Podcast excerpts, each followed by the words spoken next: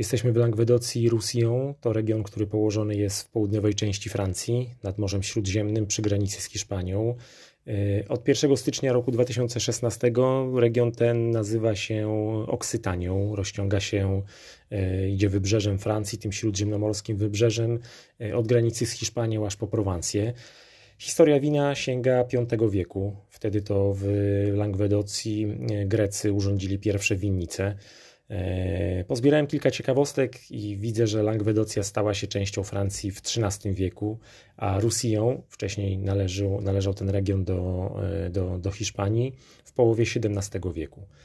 Jak patrzymy na Langwedocję i Roussillon, tutaj mówię o tym regionie winiarskim, z ujęcia winiarskiego, e, to pod względem klimatu i gleby przypomina po prostu swoich sąsiadów, mianowicie południową Dolinę Rodanu i, i Prowancję.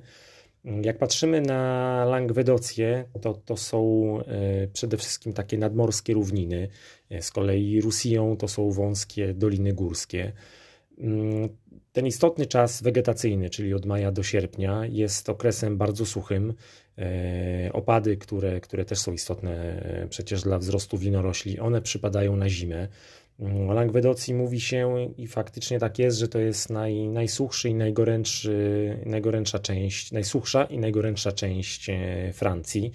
Owszem, w głębi lądu wieje, e, wieje północno-zachodni wiatr, ale jest to wiatr e, suchy, a jak, jak pewnie się domyślacie, największym zagrożeniem dla winnic jest po prostu susza. Natomiast generalnie, generalnie klimat ten sprzyja uprawie wina.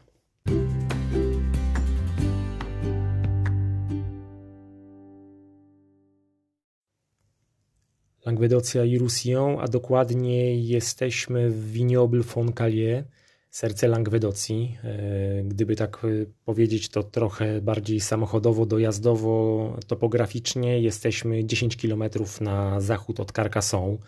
E, producent 4000 hektarów winorośli. Nie jest to producent e, jakoś bardzo stary, jakoś bardzo wiekowy. E, jego historia rozpoczyna się w roku 1967, ale nie będąc wiekowym, jest docenianym. Wyobraźcie sobie, że magazyn Drinks International w roku 2017 uznał tę winicę za jedną z 50 najbardziej, najbardziej znanych marek wina na świecie. Jak mówi producent, e, dla nich e, z pokolenia na pokolenie przenoszona jest pasja do, do winorośli. Mm, przekazywanie jej młodszym pokoleniom to jest coś takiego dla nich absolutnie podstawowego. E, wszystko po to, żeby te winorośle przetrwały, przetrwały i miały się, miały się jakościowo. E, oni też bardzo mocno mówią, że to jest nie tylko pasja, ale również e, umiejętności nie tylko winiarzy, ale wszystkich tych osób, które zaangażowane są w produkcję wina.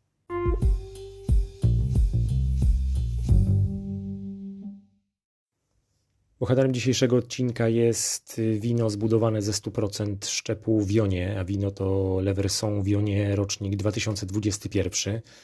Winorośl Versant-Vionnet znajduje się na słonecznych zboczach wzgórz, które zorientowane są e, w stronę północną.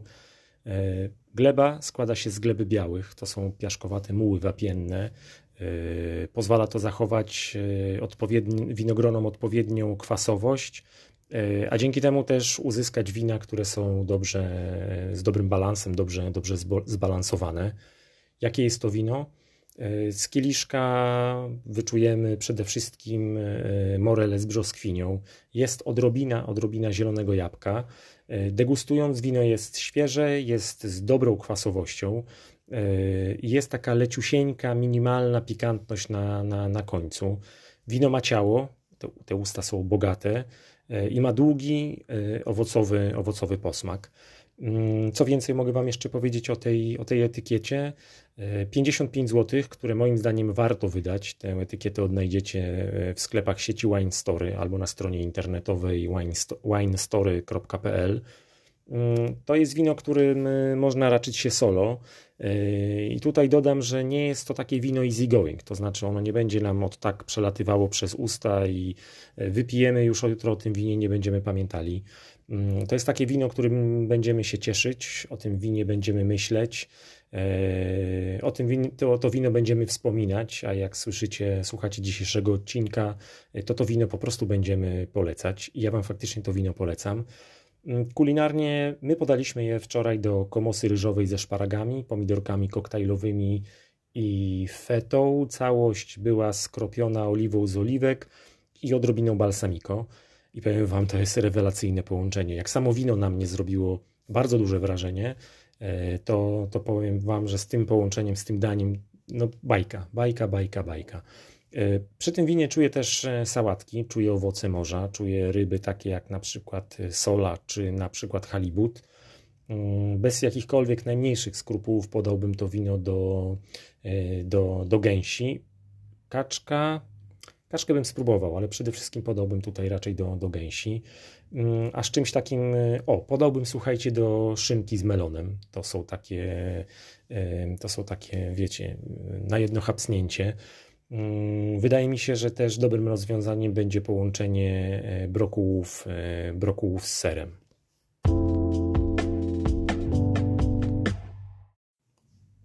Dobrze, słowo zakończenia. Niech najlepszym stwierdzeniem będzie zdanie, że to wino przypomniało mi o tym, jak ciekawym, jak od razu też, e, jak Wam pokazałem, opowiedziałem, przyjaznym kulinarnie szczepem jest szczep Wionie. I jak wspominam to wino które piłem wczoraj, to nie zdziwię się, jak po tę etykietę będę jeszcze sięgał. Moim zdaniem ona jest po prostu tego warta. Dzięki za dzisiaj i do usłyszenia w kolejnym odcinku. Cześć.